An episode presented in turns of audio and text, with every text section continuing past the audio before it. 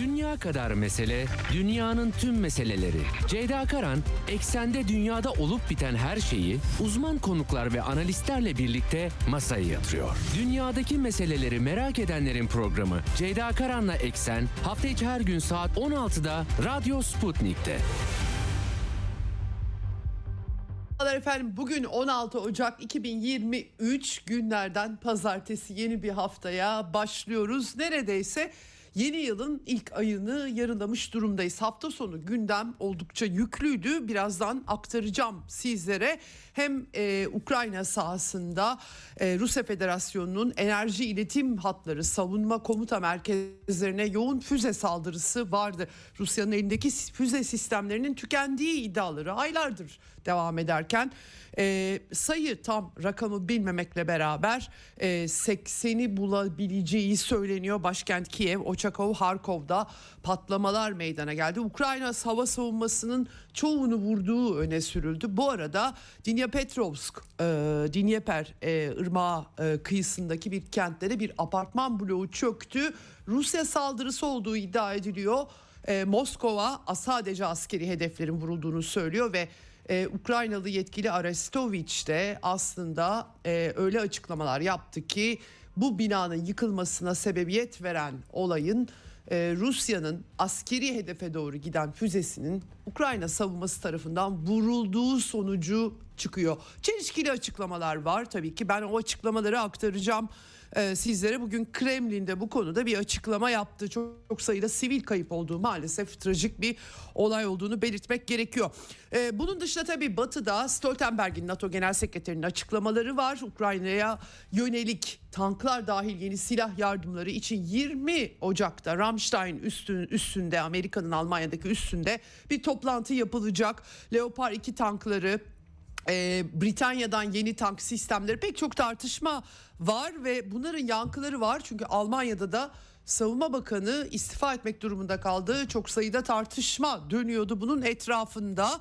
Ee, tabii Ukrayna artık açıkça de facto NATO üyesiymiş gibi hareket ediyor. Bunu Savunma Bakanı Reznikov da dile getirmiş durumda geçtiğimiz hafta içerisinde. Ee, gerçekten e, batıda bir kıvranış olduğunu belki ortaya seren gelişmeler var. Aktarmaya çalışacağım sizlere. Ee, İsveç-Türkiye krizi, İsveç ve Finlandiya'nın NATO üyeliği ile ilgili... Ee, Ankara'nın talep ettiği isimleri vermiyor İsveç.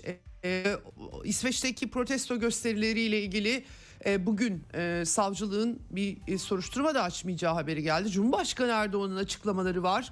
E, o zaman parlamentodan onay çıkmaz şeklinde e, bekleyip görmek lazım. Dışişleri Bakanı'nın e, 18'inde Amerika'da Anthony Blinken'la Amerikalı mevkidaşıyla görüşmeleri var ama bu işte biraz kızışıyor gibi gözüküyor. Öte yandan Amerikan Kongresi'ne Dışişleri Bakanlığı Türkiye'ye F-16 verilmesi için olumlu bildirim yapmış gözüküyor.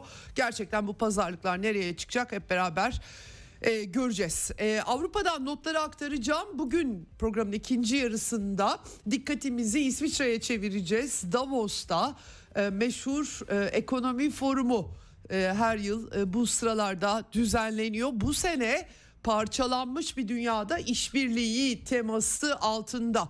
Tabii pek çok güncel konu konuşuluyor. Resesyon kaygıları, enerji krizi, efendim e, gelir eşitsizliği, iklim değişikliği. E, Klaus Schwab e, gerçi açılışı kaçıracakmış galiba sağlık koşul sorunları yüzünden kendisi sosyal medya başta olmak üzere dünyada çok tartışmalı bir isim. E, tabii elitler jetlere atladılar soluğu İsviçre'de aldılar. E, eylemciler orada e, onlar da katılıyor ama tabii bu e, toplantılara katılmak için çok para vermek gerekiyor. Hakikaten e, Davos e, böyle bir e, biraz elitlerin etkinliği e, olarak anılıyor. Çok sayıda komplo teorisi var Davos'la ilgili elbette. Bugün Davos'a bakacağız. Davos'un gündemine ve dünyanın gidişatını e, belki de biraz e, konuşmuş olacağız bu sayede. E, dış politika yazarı Hasan Erel programın ikinci yarısında benim konuğum olacak. E, Davos Ekonomi Forumu etrafındaki tartışmaları e, ve gündemini tabii ki konuşacağız e, kendisiyle. E, bunun dışında tabii e, e, başka dünyadan gündem madde meseleleri var. Amerika'dan aynı şekilde Joe Biden'ın Cuma günü Serra Karaçam'la konuşmuştum. Ee, evrak skandalı, ailesinin mali işleri derken acaba bir Kamala Harris'e mi e, hazırlanıyor başkanlık gibi tartışmalar e, var. E, Amerika'dan notlar elbette var. E, Asya kızışıyor. Amerika'nın e, ve Britanya'nın Japonya ile son e, e, yakınlaşmaları, imzaladıkları anlaşmalar sonrası bu hafta ayrıca e, bu meseleye de bakacağız. Orta Doğu ile ilgili notlarım biraz daha sınırlı bugün ama e, İran'da Britanya adına casuslukla suçlanan eski Savunma Bakan Yardımcısı idam edildi. Britanya öfkeli gözüküyor. Bir tuhaf bir e, durum ortaya çıktı ve Latin Amerika'da da Brezilya'dan notları aktarmaya çalışacağım. Başlamadan yine frekanslarımızı tekrar edelim. İstanbul'dan 97.8, Ankara'dan 96.2, İzmir'den 91, Bursa'dan 101.4 ve Kocaeli'den 90.2 karasal yayın frekanslarımız bunlar. Bunun dışında Sputnik Türkiye'nin web sitesi üzerinden e, Türkiye'nin her yerinden bizi dinleyebilirsiniz. Yine cep telefonu uygulaması var. Yürürken de dinleyebilirsiniz. E, Radyo Sputnik Telegram kanalımız e, orada e, link var. Açarsanız, tıklarsanız, Radyo Sputnik'e katılırsanız rahatlıkla oradan da ve sonrasında kaçırırsanız yine dinleyebilirsiniz. Diyelim başlayalım eksene. Dünya kadar mesele, dünyanın tüm meseleleri. Ceyda Karan, eksende dünyada olup biten her şeyi uzman konuklar ve analistlerle birlikte masaya yatırıyor. Dünyadaki meseleleri merak edenlerin programı Ceyda Karan'la Eksen hafta içi her gün saat 16'da Radyo Sputnik'te.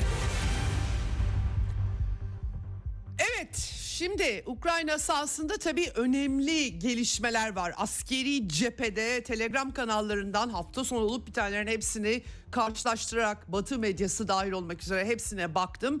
Ee, şimdi e, Rusya Federasyonu'nun enerji tesisleri ve komuta merkezlerine yoğun saldırısı oldu. Ama sahadaki gelişmelerde gerçekten e, 12 Ocak itibariyle olduğu anlaşılıyor. Ukraynalı gazeteci kaynaklarda doğruluyorlar. Soledar kenti küçük bir kent e, Rusya Federasyonu ve müttefik güçleri tarafından ele geçirilmiş durumda. Bu lojistik hatlar açısından önemli. Aslında Donbas cephesi 2014 Kiev darbesinden bu yana Ukrayna ordusunun çok yoğun bulunduğu hatlar bunlar. Bahmut e, Rusya tarafının Artemovs diye andığı bölge. İşte orada henüz iş bitmiş değil ama Soledar bu bağlamda Bahmut Artemovs denilen şehir açısından önemli bir yerde. Lojistik hatlardan biri kesilmiş oldu. Yuri Butusov, Ukraynalı gazeteci ve Sensornet'in e, e, editörü e, diyelim Ukrayna ordusunun Soledar'ı çok önceden kaybettiği Batı medyasına biraz geç düştüğünü söylemek mümkün.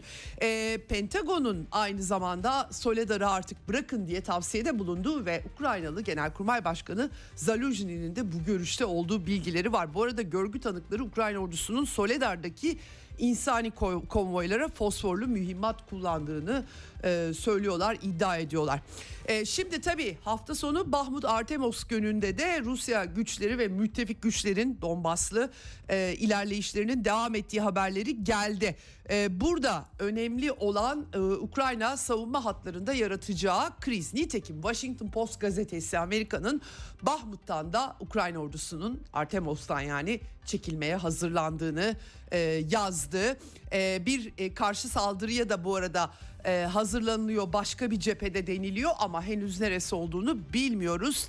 Tabi burada e, Bahmut cephesi çok önemli sonuna kadar savunmak lazım diyordu Ukrayna lideri e, Zelenski fakat bu kadar da önemli değil. Sembolik değeri de çok önemli değil demiş bu sefer. Amerikalı yetkili e, savaşın e, gidişatını değiştirmeyecek diyor. O zaman niye bu kadar çok kayıp verildi? Kıyma makinesi tırnak içerisinde diye anılıyordu. Telegram kanallarında gerçekten e, Ukrayna çok büyük kayıplar veriyor. Rusya'nın da kayıplar verdiği e, iddiaları var ama ben e, kendimce itibar ettiğim kanallarda ki bu defalarca ispatlanan e, takip ettiğiniz zaman kimin neyi ne kadar doğru söylediğini görebiliyorsunuz. Rusya tarafının o kadar çok kayıp verdiği kanaatinde değilim. Gelen haberlere bakarak söylüyorum.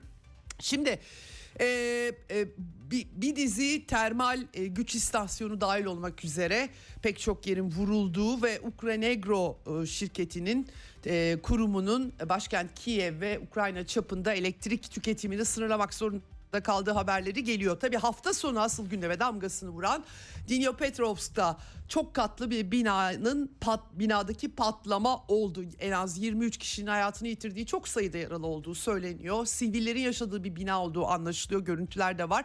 Ukrayna medyası tabii ki Rusya vurdu diye verdi ama enteresan bir resim oluştu. Çünkü önce Ukrayna ordusu Rusya Federasyonu'nun e, gelişmiş bir roket bu X-22 bu roketini düşürdüklerini duyurdu. Şimdi roketi düşürdüler ama nereye düşürdüler tabii. Sonra e, Rusya sivil binayı vurdu diye bir haber geldi. Sonra Ukraynalı yetkili Arestovich ekrana çıktı. E, düşünce biz vurduk patladı dedi. E, sonra da en son gelen haberde Ukrayna Hava Kuvvetleri sözcüsü açıkladı. Bizim X-22'yi vuracak kapasitemiz yok dedi. Şimdi hangisi doğru tabii bir yandan e, o kadar çok daha önce de olmuştu Ukrayna hava savunması gelişmiş roketleri vururken ya da vurmaya kalkıştığında havada vurmak yerine onların sivil yerleşimlere düşmesine sebebiyet veriyor. Yani başka bir yere gidiyor o roket. Rusya bir askeri tesisi vuruyor ama o sırada onu engellemeye çalışırken sivil yerleşimin tepesine bu sefer bir binaya düşmüş gibi gözüküyor. Bu çelişkili açıklamalardan. Tabii Podolyak danışmanı Zelenski'nin bunun eşi tweet attı. Bütün Rusların yok edilmesini istediğini söyledi. Bilemiyorum Twitter kurallarına ne kadar uygun böylesi düşünceler e, ya da çağrılar. E, hakikaten e, görüntüler de var e, bu konuda gerçekten dikkat çekici. Rusya Federasyonu e, Kremlin sözcüsü Dimitri Peskov'un da bugün açıklamaları var. Rusya ordusu sivillerin yaşadığı binalara saldırı düzenlememektedir. Askeri tesislere saldırı düzenliyoruz. Ukrayna hava savunma sistemlerinin eylemi sonucudur dedi. Şimdi böyle bir trajik bir durum var. Tabii bu füzelerde değerli füzeler. Neden e, sivil e, Ukrayna'nın çok değerli batıdan aldığı e, e, silahlar ve mühimmatları vurmak varken e, sivillerin yaşadığı binaları vursun sorusu niye ona harcasın böylesine füzeleri sorusu da doğuyor. E, yani e, bu, füze füze de olmuş olabilir ama rotasından çıkartılmış da olabilir Arestovich'in dediği gibi böyle bir durum var. Bu arada e, T-90M tanklarını kullanmaya başlamış Rusya Federasyonu özel harekatta Herson bölgesinde ve Zaporojye'de bunlar çok gelişmiş olduğu anlaşılıyor. Mayına bastıklarında da paleti falan zarar görmüyor ve e, kendi kendine yani mürettebatı da koruyan tanklar deniyor. Bu savaş aynı zamanda tabii füze sistemleri, tanklar e, genel anlamda keşke bütün dünyada böyle silah sistemlerine de ihtiyaç bulunması ama e, insanlık tarihi silah sistemlerinin de geliştirilmesi ve denenmesi e, anlamına e, olduğunu söylüyor bize e, savaşların bunun denendiği alanlar olduğunu söylüyor. Bu, bu aynı şey bu cephe içinde e, geçerli efendim.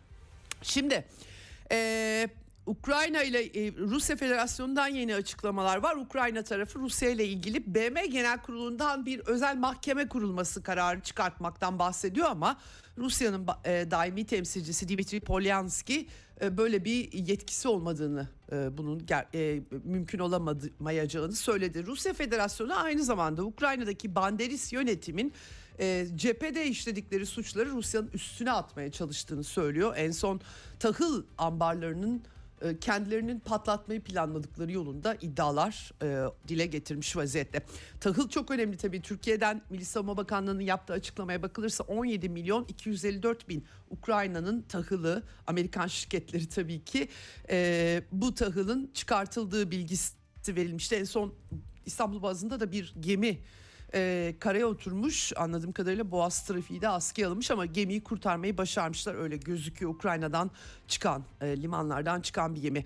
Rusya'nın da gübre ihracatı hatta Financial Times'a bakılırsa geliri %70 oranında artmış 17.7 milyar dolara ulaşmış gibi gözüküyor. E, Putin'in açıklamaları var Rusya bir televizyonuna e, operasyonun dinamikleri olumlu her şey plana göre gelişiyor diyor Rusya lideri e, yaptırımlara rağmen Rusya ekonomisinin beklenenden daha iyi bir e, performans sergilediğini söylemiş. Mart sonu %11'den %5 seviyesine enflasyon düşeceğini söylüyor. Çatışma koşullarına rağmen Türkiye'deki enflasyonu insan almak dahi istemiyor Putin'in söylediklerinden sonra işsizlik görülmemiş düzeyde tarım, sanayi, inşaat sektörlerinde durum iyi diyor. Merkez Bankası, Rusya'nın Merkez Bankası'na göre de ülke varlıkları Aralık ayında 14 milyar dolar dan fazla artmış gözüküyor. Gerçi operasyonun başlamasıyla Batı e, Rusya Federasyonu'nun mal varlıklarının yarısını dondurmuştu. Büyük tartışmalar da koparmıştı. Ama ekonomi e, bütün bu yaptırım savaşına rağmen yolunda gidiyor gibi olabilecek en iyi e, koşullarda gibi de gözüküyor efendim.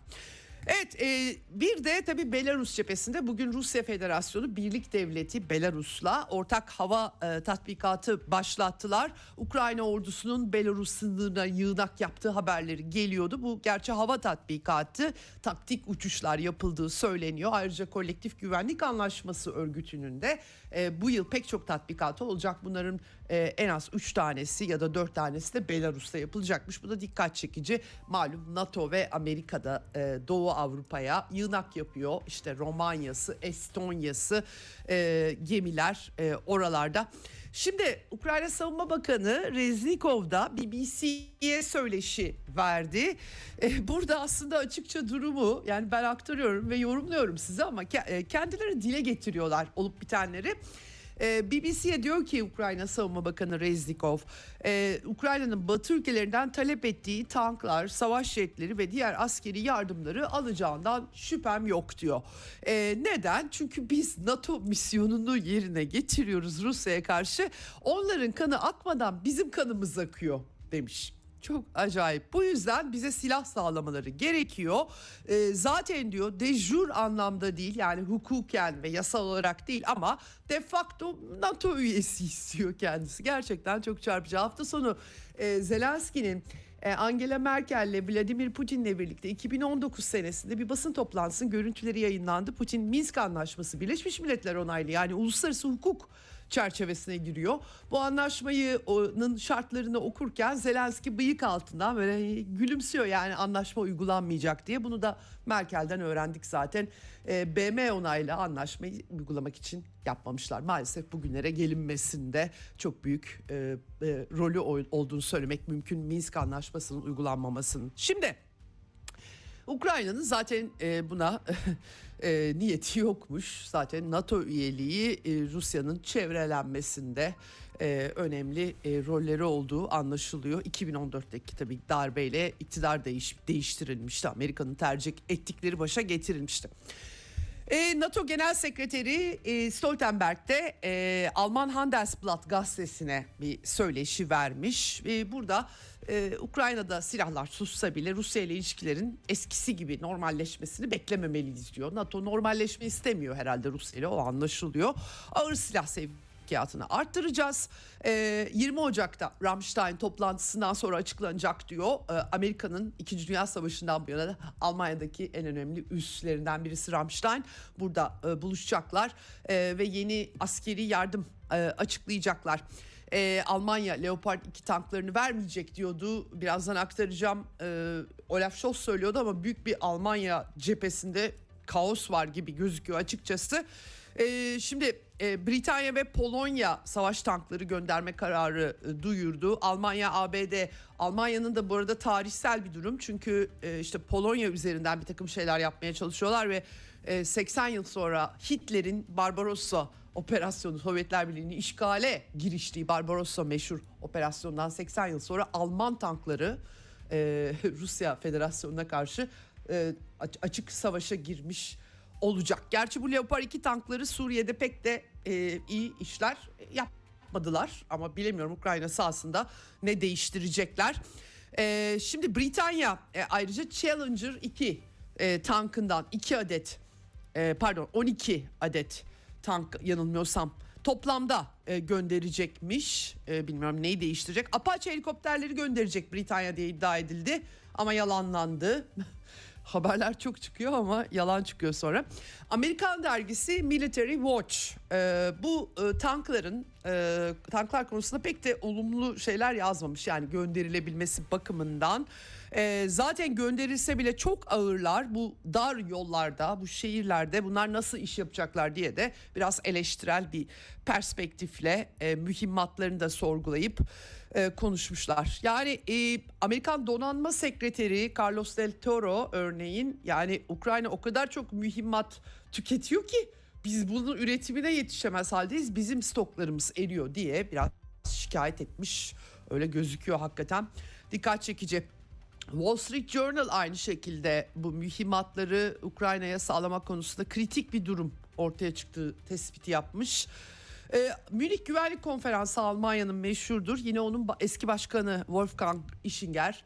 O da e, Almanya'nın 6 ayda ürettiğini Ukrayna e, mühimmattan bahsediyor. Bir günde tüketiyor diyor. Hakikaten çok acayip bir işte diyorum ya bir böyle e, mühimmat deneme sahasına Ukrayna politikacıları kendi ülkelerini NATO üyeliği için e, ülkenin yarısının istemediği NATO üyeliği için e, böyle bir sahaya dönüştürmüş durumdalar hakikaten. Şimdi Amerikan donanması USS Roosevelt e, savaş gemisini Estonya'ya göndermiş durumda en son. E, dikkat çekici yine bir haber e, Almanya'ya geçmeden önce daha detaylı. U- Gürcistan'dan geldi Başbakan Yardımcısı Teya e, Tusulikiani açıklama yaptı. Diyor ki biz diyor e, bu askeri çatışmada e, yer almayacağız. Buna e, bunu kabul etmeyeceğiz yer almayı ve taraflardan birine bu çatışmada herhangi bir destek vermeyeceğiz. Yok. Kafkasya bölgesinden bir şeyleri karıştırılır mı Rusya'ya karşı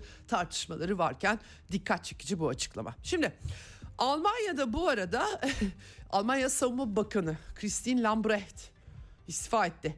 Zaten kokusu çıkmıştı geçtiğimiz hafta geliyordu haberleri Scholz'a istifasını sunmuş gözüküyor. O da kabul etmiş. SPD'li bir bakandı yani sosyal demokrat bakandı.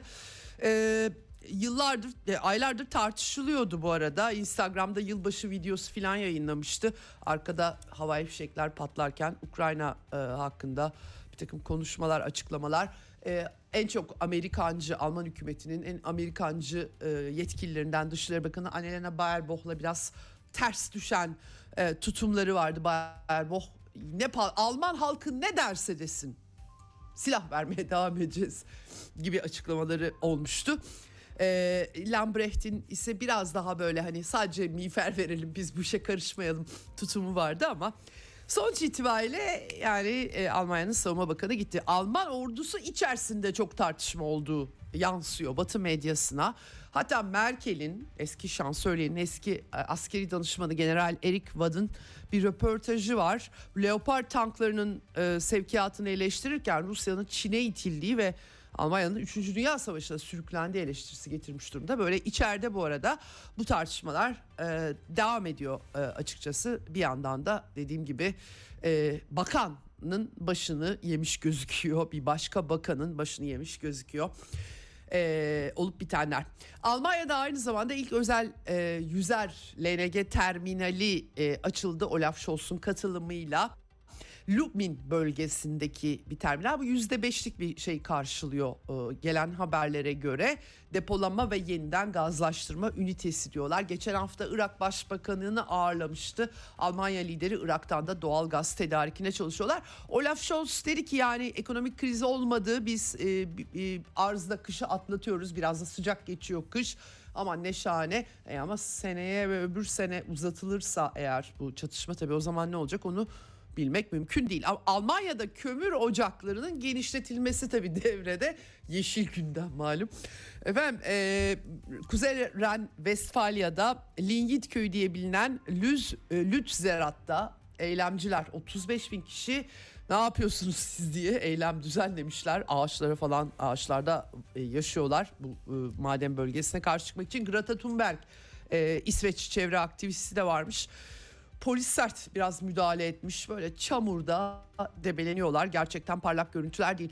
CDU'lu yani Merkel'in partisinden Saksonya eyaleti başbakanı Michael Kretschmer ise dikkat çekici bir çıkış yapmış. Demiş ki kuzey akım e, hattını onarmamız lazım. Başka yolu yok. Ukrayna çatışması devam ettikçe Rusya gazı masada olmayacak. Daha pahalı gaz almak zorunda kalacağız. Bu yüzden e, bir an önce bu hattın tamiri gerekiyor demiş. Böyle enteresan bu durum. Bir durum. Zamanımız azalıyor. Eğer hasar onarılmazsa uzun süre kullanılamaz olacak. Ya şimdi onaracağız ya da patlayacağız diye. Böyle efendim. Almanya'dan haberler. Türkiye, İsveç NATO üyeliği krizi geçtiğimiz hafta Başbakan, İsveç Başbakanı alenen Türkiye'nin bütün taleplerini karşılayamayacaklarını dile getirmişti. Sonra ben yanlış anladılar gibi şeyler söyledi ama bu kriz pek dinmiş gözükmüyor. Türkiye parlamentosunun onay vermesi gerekiyor İsveç ve Finlandiya'nın NATO üyeliğine. Başka türlü olmuyor. E, Stoltenberg umutluydu ama e, iade talepleri karşılanmıyor gibi gözüküyor. Cumhurbaşkanı hafta sonu Muğla'da gençlik programında açıkça meclisten geçmesi için 130 civarında e, bu teröristleri bize vermeniz lazım dedik diyor. Ama diyor e, yapmıyorlar. Bizden rica ettiler Stoltenberg'i de kullanarak ama taleplerimizi yerine geçirmiyorlar diyor. Eee ne olacak? Hakikaten enteresan bir durum. Bugün İsveç'ten bir başka haber geldi. Ee, Cumhurbaşkanı'nın işte kuklasının yakıldığı bir eylem yapılmış. Tabii İsveç yasalarında böyle eylemlere pek ceza da verilmiyor ama şimdi NATO üyeliği için Ankara ne isterse yapmaya başladılar böyle tuhaf bir durum ortaya çıktı. Fakat savcı soruşturma başlatmama kararı almış bu konuda. Ankara'yı yeniden kızdıracaklar gibi gözüküyor e, işte maket direğe asılması, yakılması neyse hikayesinde bilmiyorum nereye varacak soruşturma açmamış sonuç itibariyle. Daha uzun süre sürüncemede kalabilir mi? Onu da bilmiyorum. İsveç'ten bir başka çarpıcı başlık bir Türk öğrenci psikoloji e, bölümünde Stockholm Üniversitesi'nde ne staj başvurusu yapmış ve e, Profesör Per Karlbrink'ten yanıt almış. E, efendim diyor ki sevgili Fatma e, kızcağızın ismi de e, Fatma Zehra.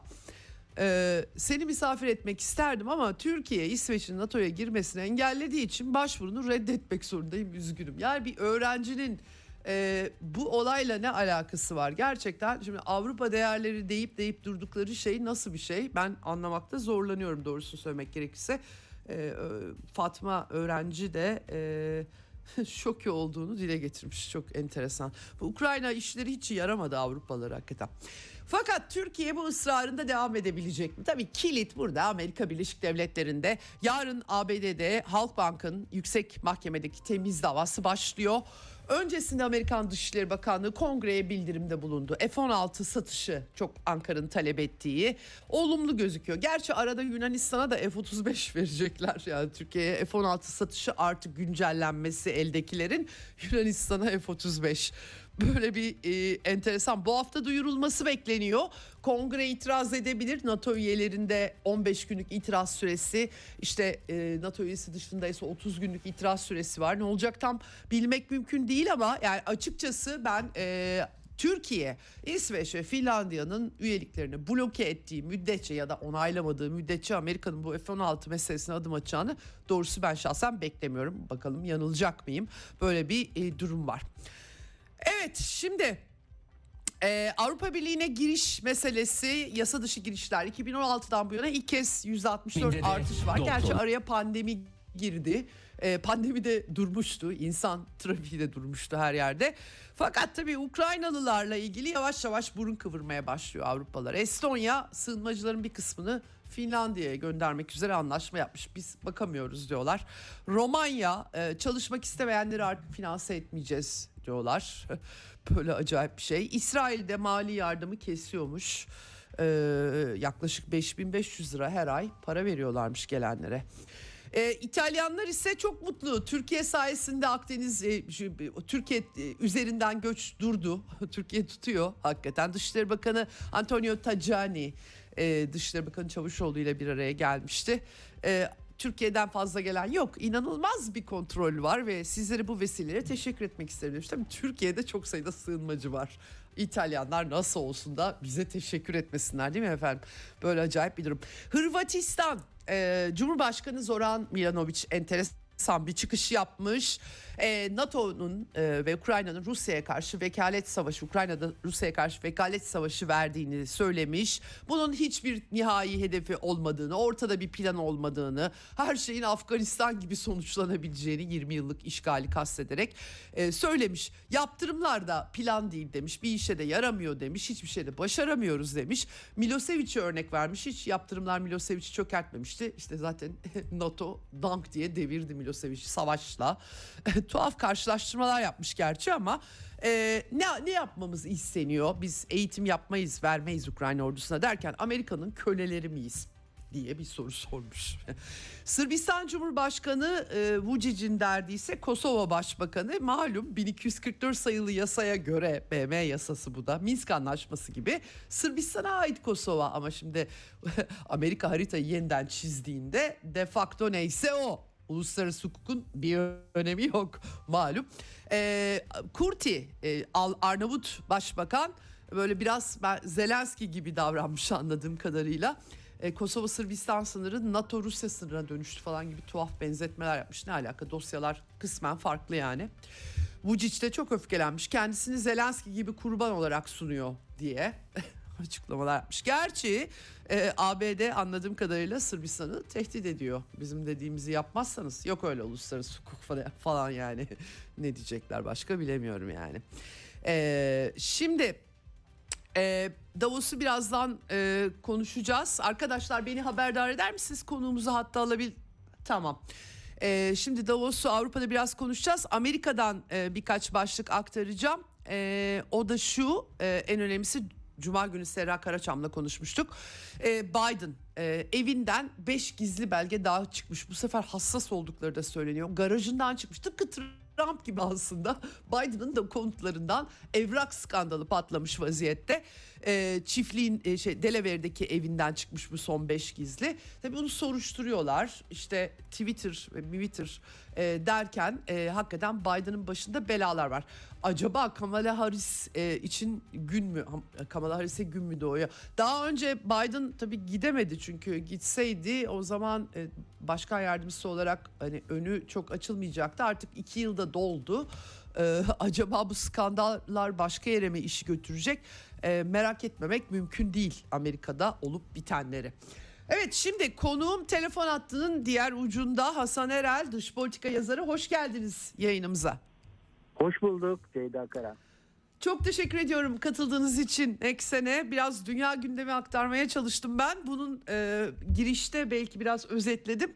Önemli bir ayağı artık Davos e, toplantıları başlıyor bugün itibariyle daha, daha doğrusu e, başlamış durumda. Eskiden çok e, daha fazla ilgi olurdu. Şimdi 16-20 Ocak arası 4 gün e, sürecek e, toplantılar böyle iş dünyası zenginler bir takım e, siyasiler jetlere atladılar Davos'a gittiler. Gerçi çok tartışmalı bir figür Klaus Schwab e, Dünya Ekonomi Forumu'nun başındaki isim o galiba biraz sağlık sorunu varmış.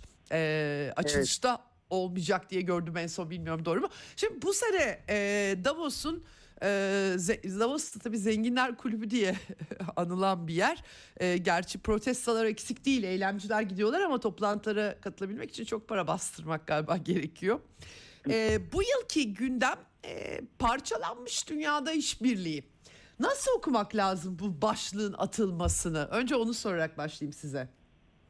Evet gündem önemli. Parçalanmış dünyada işbirliği başlığı aslında e, tekrar tercüme ederek okunması gerekiyor. Çünkü bu hı hı. E, Davos e, Dünya Ekonomik Forumu diye geçen Davos e, Amerika'daki işte e, Council of Foreign Relations işte Bilderberg Roma Kulübü falan bunlar gibi e, dünyanın batılı oligarşisinin e, tepe örgütleri, çatı örgütleri e, şu anda son dönemde Klaus Schwab özellikle öne çıktı. Doktor Evil kılığında özellikle pandemi döneminde garip giysileriyle falan tiplemesiyle e, Alman aksanıyla falan bayağı bir sembol haline geldi. Hani böyle e, filmlerde olur Peter Sellers filmdeki çılgın dünyayı ele geçirmeye çalışan bilim adamlarına falan benziyor. E, şimdi de hastalanması falan hani belki çok ah aldılar pandemi dönemi e, evet. belli bir şey yani bellidir e, ne derler zan yani olan şüpheli olarak hep görüldüler.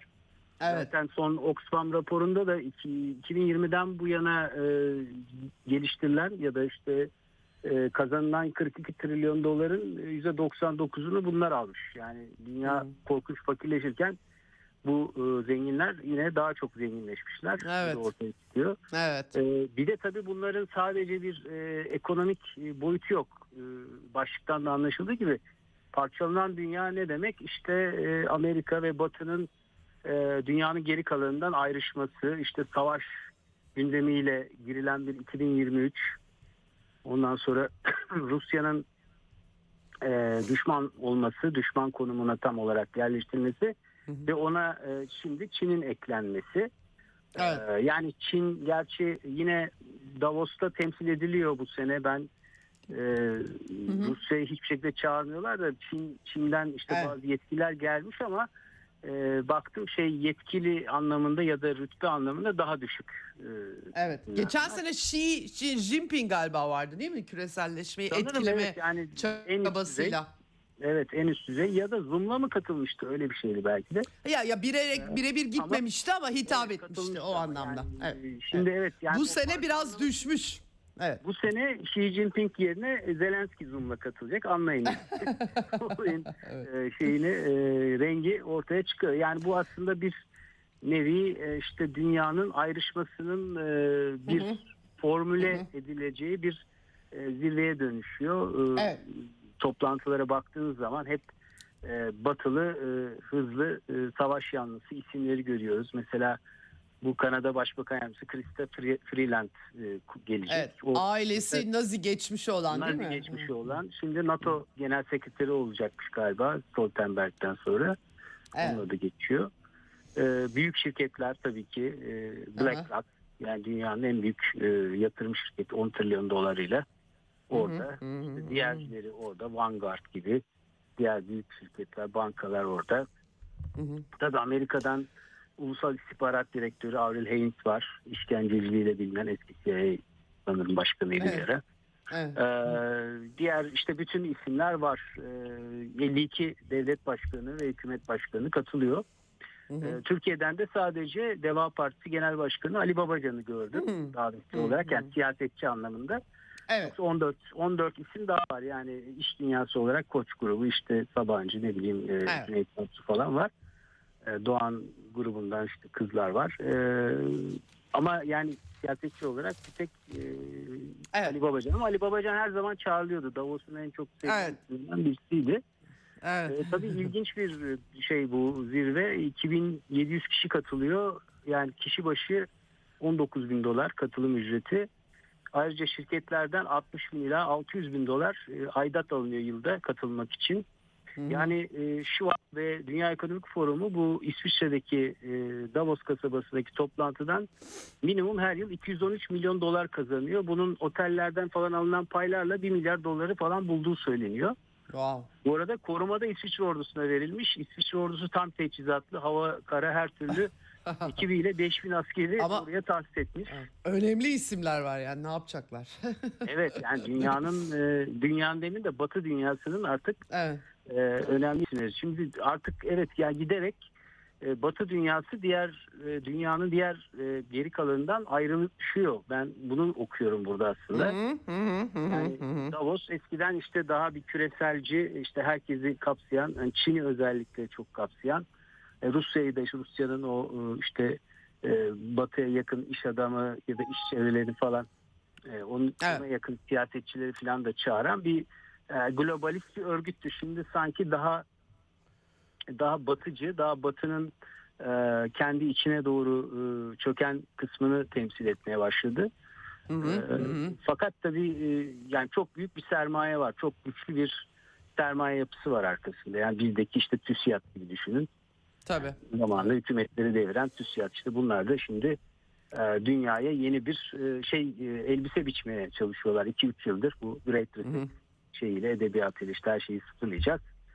Efendim, Onu da şey çok yok. anmamaya başladılar. Çok tepki çektiği için herhalde. Çok tepki Çünkü büyük çekti. sıfırlama neyimizi sıfırlayacaksınız yok mu edeceksiniz diye eleştiriler işte olmuştu. Verdiğin Fakat örnek ortaya koyuyor. Yani 42 trilyon doların %99'unu e, kapmışlar yani demek ki büyük sıfırlama e, dünyanın geri kalanı fakirler için e, gerçekten olmuş yani bayağı sıfırlanmışlar.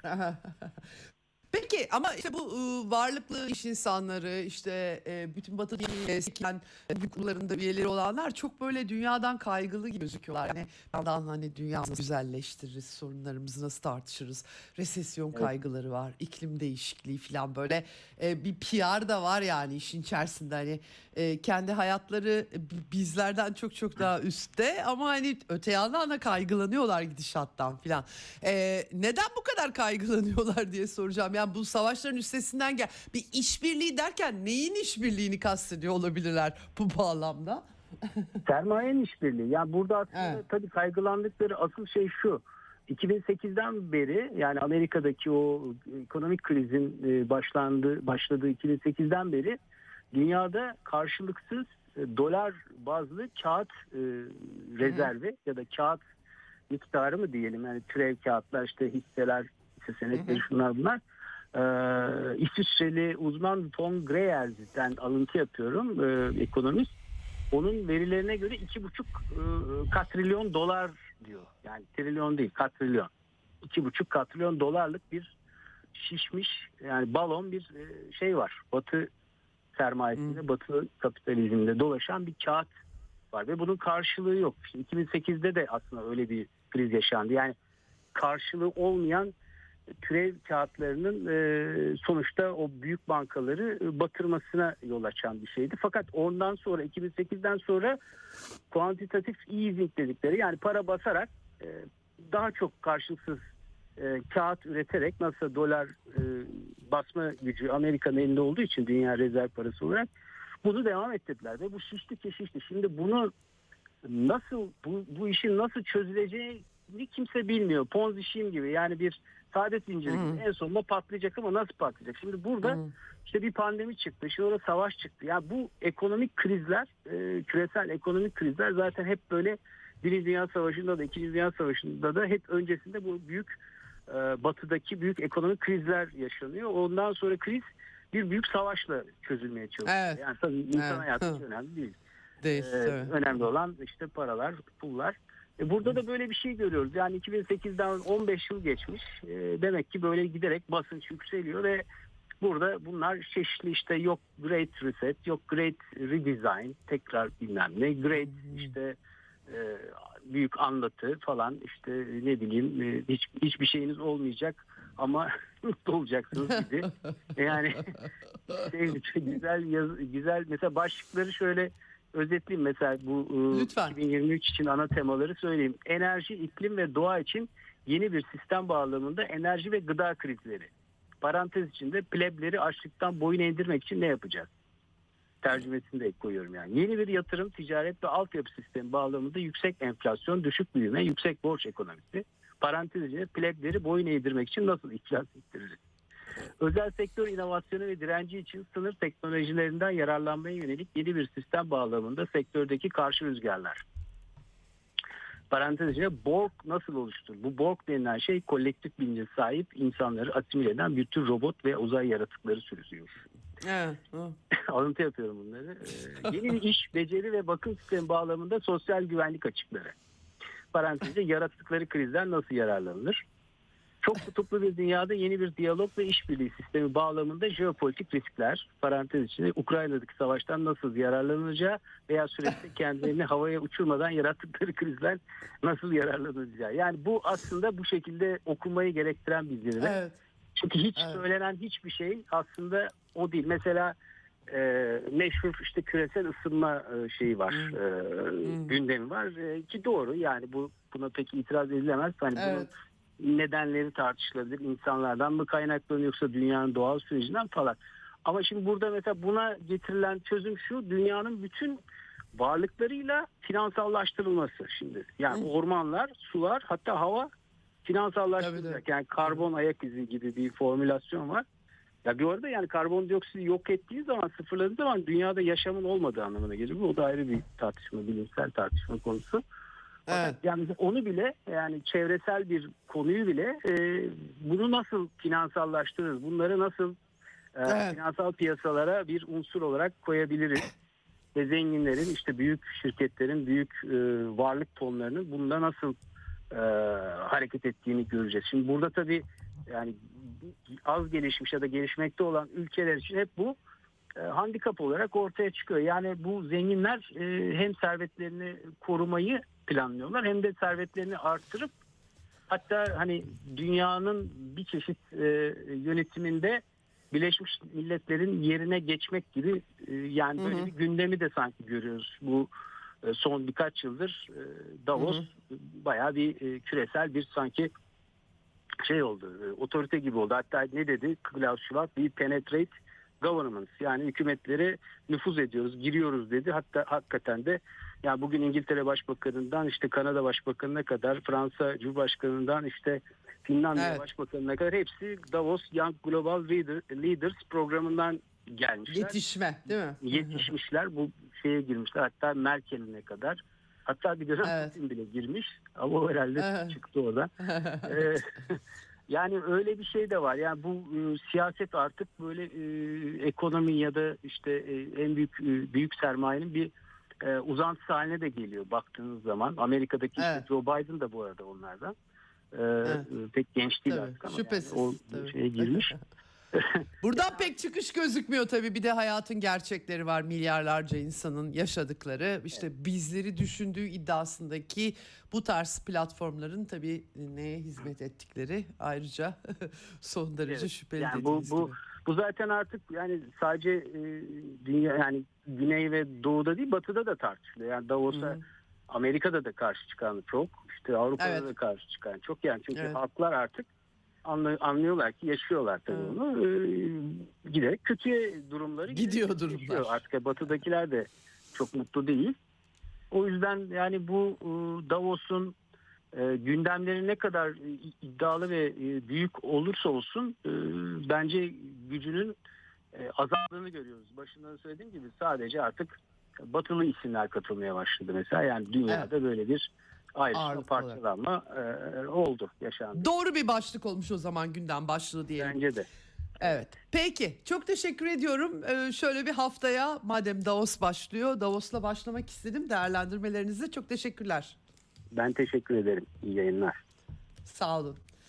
Evet, e, dış politika yazarı Hasan Erel'le konuştuk. Davos başladı hakikaten ama dünya ekonomisinin gidişatı da çok parlak değil. Bu sene işte düşük büyüme, resesyon tartışmaları hepsi e, gündemde olacak. Ben de aktarmaya çalışacağım size. En son 2008 krizini e, gören, e, işte finans krizini gören e, kriz, kriz kahini diye e, andığımız e, Nuriel Rubini de e, dünyayı yüksek işsizlik, enflasyon, durgunluk dönemi bekliyor demiş dur, e, durumda. Tabii bu en çok daha e, dar gelirlileri vuracak. Davos'taki zenginlere e, çok bir şey olur mu çok emin olamıyorum doğrusunu söylemek gerekirse. Evet birkaç başlık daha aktaracağım e, size. Çin'den yine e, Rusya-Ukrayna diyaloğunu için uygun koşullar yaratılması gerektiği, müzakereli çıkış çağrıları BM daimi temsilcisi Zhang Yun'dan e, geldi. E, Batı istemediği müddetçe yani Amerika bu savaşı e, sürdürmek istediği müddetçe ne olabilir? Çok kestirmek mümkün değil ama en azından diplomatik olarak bunları tekrarlamakta fayda var. Asıl tabii yani artık NATO'da Reuters'a göre Tayvanlı subaylara eğitim veriyor. Çok şahane. E, Japonya ile geçen hafta e, görüşmeler oldu. İkili 2 artı 2 formatında Dışişleri Savunma Bakanları Amerika'nın Japonya'dan öyle açıklamalar geldi ki adeta e, kendilerini Avrupa'nın Ukrayna'sı konumunda tarif ediyorlar. E, bu hafta buna da ayrıca bakmak istiyorum. Çünkü e, 2023'te Çin'e karşı da e, bilek e, kılıçlar bilenecekmiş gibi bir resim gerçekten ortaya e, çıkıyor. Yani e, nasıl oluyor bu E, çözmek mümkün değil. Rasyonel akılla çözmek mümkün değil. E, Amerikalılar Güney Kore ile e, kuzeyin sınırına yakın bir yerde askeri tatbikat yaptılar yine. Muhtemelen kuzeydekiler de bir füze sallayacaklar. Hep genellikle böyle oluyor çünkü. E, Amerika'nın kışkırtmasını e, dan yakınarak onlar da denemelerini e, yapıyorlar. Japonya Başbakanı Kishida'nın tabii özellikle Asya'da suların ısınmasına katkı yapması İkinci Dünya Savaşı'ndan sonraki pasifist politikalarla pek e, uymuyor ama Amerika Japon pasifizmini gömdü yani bir şekilde e, istediği gibi şu an biçimlendiriyor diyebiliriz. Evet, e, Orta Doğu'dan İran, e, İngiltere adına casusluk yapmak suçlamasıyla eski Savunma Bakan Yardımcısı Ali Rıza Ekberi'ni idama çarptırmıştı. Cezası infaz edildi. Casusluk suçlamasıyla yargılanıyordu. E, tabii bu biraz ortalık karıştırdı. Bir yandan Britanya'nın, İngiltere'nin Tahran Büyükelçisi'nde Dışişleri Bakanlığı'na çarp nota verdiler. E, Britanya tabii e, buna öfkelenmiş gözüküyor. Gelen haberlere göre e, bu yüzden e, Sunday Telegraph bunu dün yazmıştı. E, nükleer anlaşma Amerika'nın çöpe attığı o da uluslararası hukukta ama çöpe atıldı. Amerika'nın çöpe attığı nükleer anlaşmayı canlandırma çabalarından geri çekileceği söyleniyor. Sanki böyle bir çaba varmış gibi bir izlenim de yaratmak istemem. Ben çok yine bütün olanca pesimizmimle zaten böyle bir şeyin yeniden canlandırılabileceğini düşünmemiştim ama hani formel olarak diyelim böyle bir gelişme var. İran Dışişleri Bakanı Abdullahian bu arada Hizbullah lideri Nasrallah'la hafta sonu e, Lübnan'a gitmiş, resmi temaslarda bulunmuş, klasik bölge sorunlarını görüşmüş durumda. İsrail'de de tabii aşırı sağcı Netanyahu hükümetiyle ilgili bir kıvranış hali devam ediyor. Isaac Herzog, Cumhurbaşkanı e, demiş ki Twitter hesabından video da yayınlamış bir ülkeyi parçalayan derin bir çatışma içindeyiz. Bu kutuplaşma beni ve İsrail ile yurt dışındaki halkın büyük kısmını çok endişelendiriyor demiş hakikaten e, enteresan bir e, bir şey. E, Netanyahu hükümeti bayağı sancılı başladı diyebiliriz. Daha geçtiğimiz hafta kısmen konuşmuştuk bunu İsrail'e bağlanarak ama daha da konuşmak lazım. Ve son olarak da Brezilya'da bu e, Bolsonaro yanlarının Lula'ya darbe girişimi savuşturuldu 8 Ocak'ta. E, yüksek Mahkeme e, Amerika'ya Amerika'da bulunan Florida'da bulunan Bolsonaro hakkında da soruşturma başlatmış durumda kışkırtma suçlarından. Brezilya süreci nereye gidecek onu da hep beraber takip etmeye çalışacağız. Bugünlük Eksen'den bu kadar. Yarın görüşmek üzere. Hoşçakalın efendim. Ceyda Karan'la Eksen sona erdi. Dünya kadar mesele, dünyanın tüm meseleleri. Ceyda Karan, eksende dünyada olup biten her şeyi uzman konuklar ve analistlerle birlikte masaya yatırıyor. Dünyadaki meseleleri merak edenlerin programı Ceyda Karan'la Eksen hafta içi her gün saat 16'da Radyo Sputnik'te.